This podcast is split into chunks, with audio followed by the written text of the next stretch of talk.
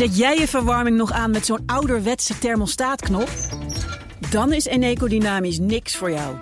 Of bedien jij je thermostaat met een app? Dan is Eneco Dynamisch misschien wel iets voor jou.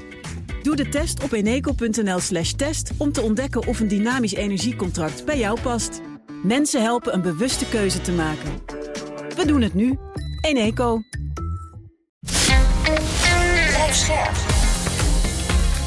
BNR Nieuwsradio. Boekenstein en de Wijk. Hugo Reitsma. Dit is een extra uitzending van Boekenstein en de Wijk in verband met de oorlog in Oekraïne en de crisis met Rusland. Het is donderdag, dag 351 van de invasie. En misschien weer een goed moment voor de periodieke excuses aan de luisteraars dat we lang niet al hun vragen kunnen beantwoorden. Voelt soms heel onbeleefd, maar het meedenken wordt enorm gewaardeerd. Toch jongens? Ja, zeker. Het houdt ons ook scherp. Ja, vandaag kunnen we misschien meerdere mensen blij maken, want veel mensen stellen zichzelf en ons de prangende vraag: komen de wapens op tijd?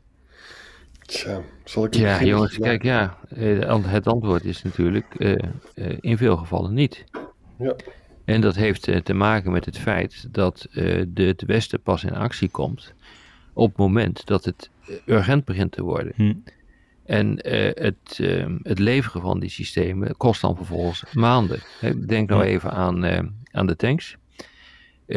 Zelensky heeft voor de eerste keer om tanks gevraagd, eigenlijk vlak na het begin van de oorlog. vervolgens is de formele verzoek ingediend april, mei.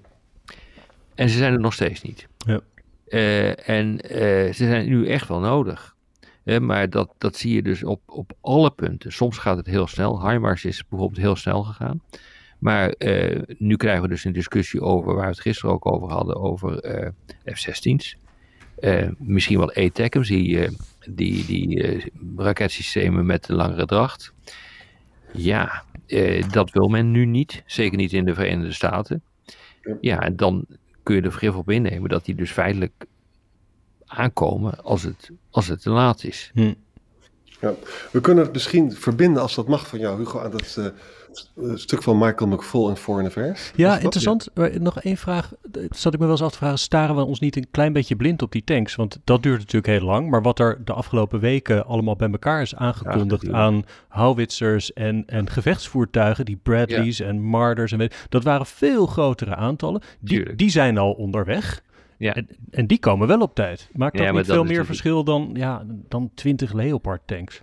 Helemaal eens. En eh, het woord game changer wil ik ook nooit meer horen in het publieke debat. Want dit zijn geen game changers. Die zijn er ook tot nu toe niet echt geweest. Dat je kwalitatieve sprongen maakt, bijvoorbeeld met het eh, verschaffen van HIMARS, meervoudige raketsystemen, dat wil ik best eh, geloven. Eh, maar alles, eh, maar alles eh, ja, heeft, heeft, heeft zo zijn rol in dat conflict. Nee, ik ben het daar mee eens. Als je ziet wat er de afgelopen tijd is geleverd, dan zijn er met name wapens geleverd om gebied te kunnen terugveroveren. Nou, of dat lukt, dat moet nog, nog blijken. Maar die tanks kunnen daar een belangrijke rol in spelen. Hm. Maar je hebt helemaal gelijk, Hugo. Er is zo ontzettend veel le- geleverd. Dat het maar zeer de vraag is of die paar tanks nou echt het verschil maken. Hm. Dan, Uitjan, jij wilde het verbinden aan dat stuk van McFall, hè? Dat is een professor aan Stanford en oud-ambassadeur in Moskou. En de hardliner. in- Echt een Het- haven. Ja, een stuk in Foreign Affairs, dat heet. How to Get a Breakthrough in Ukraine. Ja, 30 januari. Hè? Nou kijk, hij, is, hij zegt het volgende. Kijk, als je wapens steeds maar te laat blijft geven of met grote terughoudendheid, hè, dan leidt dat tot Oekraïns verlies. En dat is precies waar Poetin op wacht. En dan zal vanzelf ook de steun van het Westen afbrokkelen, want het heeft gewoon allemaal geen zin meer. Hè? En hij wijst er ook op van, eh, als je incrementeel steeds, dus dat betekent stapje voor stapje, de militaire hulp uitbreidt, dus te langzaam, ja, dan ga je, zit je eigenlijk alleen maar die oorlog te verlengen. Dat is het argument dat we heel vaak kennen. Nou, hij is voor Big Bang, gewoon hup, geef alles maar. Hè? Ook de ETECM's en ga zo maar door. Hè?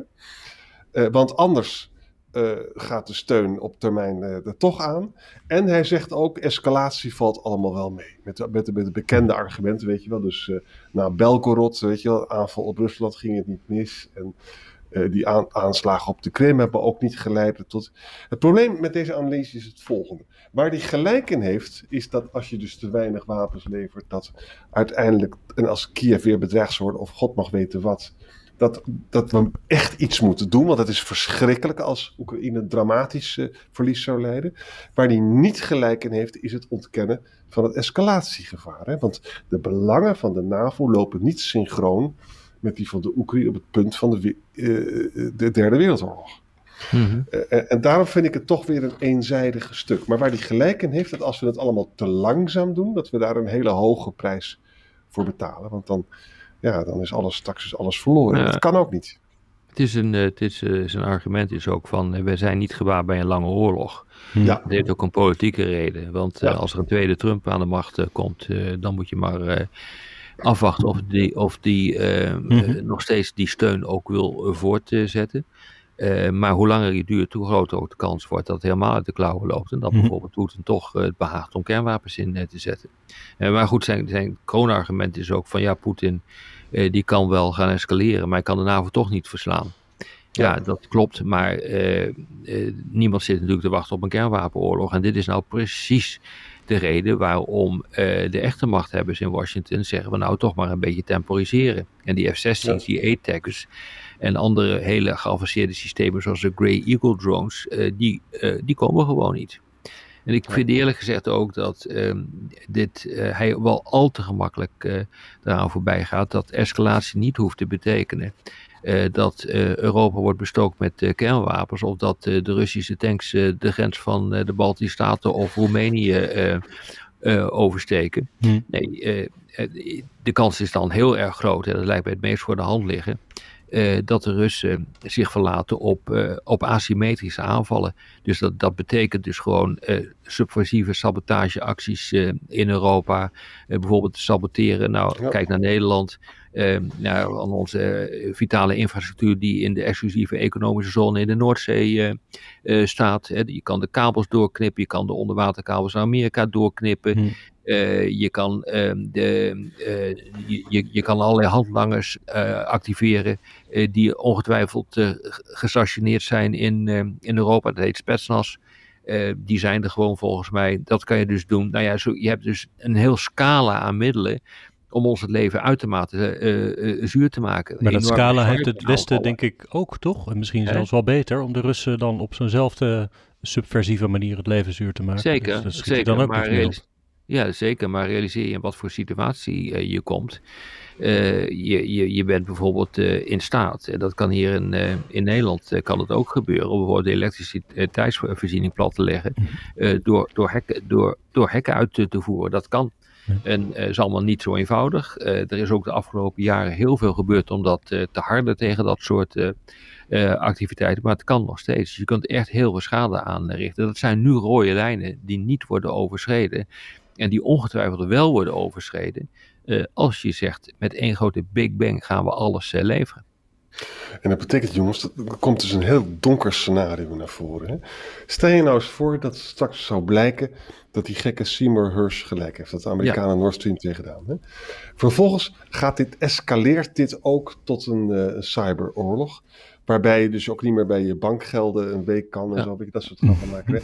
Ik voorspel je, in Europa lopen heel veel mensen rond die zeggen van... nou, misschien moeten we de Russen maar een beetje niet meer zo plagen. Want het wordt, loopt nu uit de hand. Gewoon ja. omdat het, dat, dat, ik denk echt dat dat een probleem is. Ja, dat zou heel goed kunnen. Met je eens, ja. ja. ja.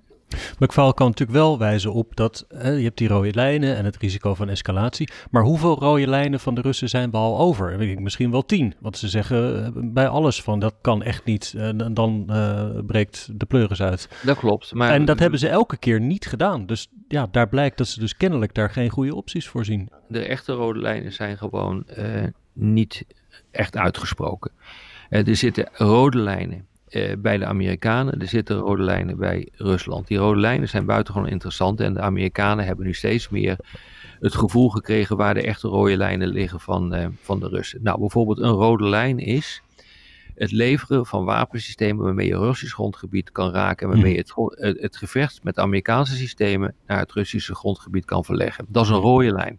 Hmm. En kennelijk is dat ook achter de schermen, want de echte diplomatieke contacten zijn er nog steeds is duidelijk gecommuniceerd door het Kremlin. Dat is een rode lijn, dat gaan we niet accepteren. want jullie weten dat er, eh, daar hebben we al een paar keer eerder over gehad, dat ook Burns, eh, de CIA-directeur, gesproken heeft over eh, de nucleaire dreigingen die continu uit Rusland kwamen. En die zijn gekoppeld aan die rode lijn. En dit, dit zal ongetwijfeld een onderwerp zijn.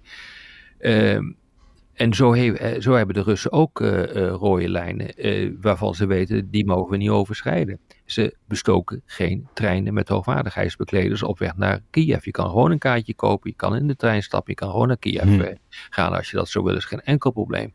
Ehm, en die trein die wordt niet geraakt. Nou, dat zijn rode lijnen. Dat als je dus dit soort systemen gaat leveren, die dan wel overschreden zouden kunnen worden door de Russen.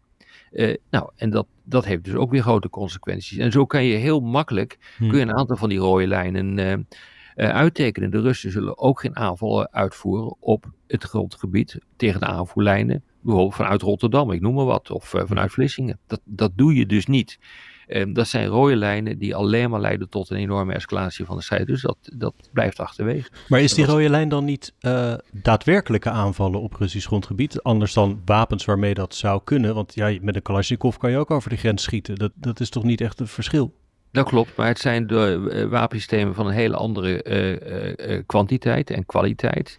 Maar vooral de kwaliteit doet er hiertoe. En je kunt natuurlijk ongehoorde schade aanrichten. Veel meer dan die troep die Oekraïne heeft afgeschoten op bijvoorbeeld de vliegvelden in, in Rusland. hier kan je echt wat mee. Hier kan je gewoon wel de boel plat mee leggen. En het feit al dat je dat kunt. En het feit dat je vanuit het hm. perspectief van Poetin Zelensky absoluut niet vertrouwt, kan ertoe leiden dat uh, Poetin zegt hiermee wordt een rode lijn overschreden. En kennelijk is dat zo, want de Amerikanen zien dit dus ook als een rode lijn. Bijvoorbeeld de Russische stad, hè, als je die dus in de as legt. ja, Dat is, dat, dan, moet, dan moet Poetin reageren. Een hmm. andere, iets anders is de Krim. Hè. Tot nu toe hebben we die aanslagen op de Krim gezien. En we hebben ook die vliegende auto's, weet je nog, over die brug. Ja. Maar, maar ze hebben de Krim nog. Ik denk dat als ze dus met langere HIMARS echt de Krim gaan bestoken en ook veroveren, dat, dat, dat de druk in ieder geval op Poetin enorm wordt om te escaleren. Dit is ook een van de redenen waarom de Amerikanen, voor zover ik goed ben geïnformeerd, dat moet ik er zeer nadrukkelijk bij eh, zeggen, uh, uiterst terughoudend zijn met het uh, verschaffen van doelwitte informatie over de Krim. En ook dit soort systemen leveren, waarmee je dus ook echt elk doel in de Krim kan uitschakelen. Want de, de Krim is gewoon de hoofdprijs voor de Oekraïners. Ja. En nog één punt over die Michael McFall. Hij zegt van nou, hij zal geen kernwapens gebruiken, want mutually assured destruction geldt nog steeds. Maar het probleem met MAD is dat het kan. Soms is het zo dat wederzijds verzekerde destructie niet mensen weerhoudt. Dat, is, dat is allemaal onzekerheid over. Dus dat is.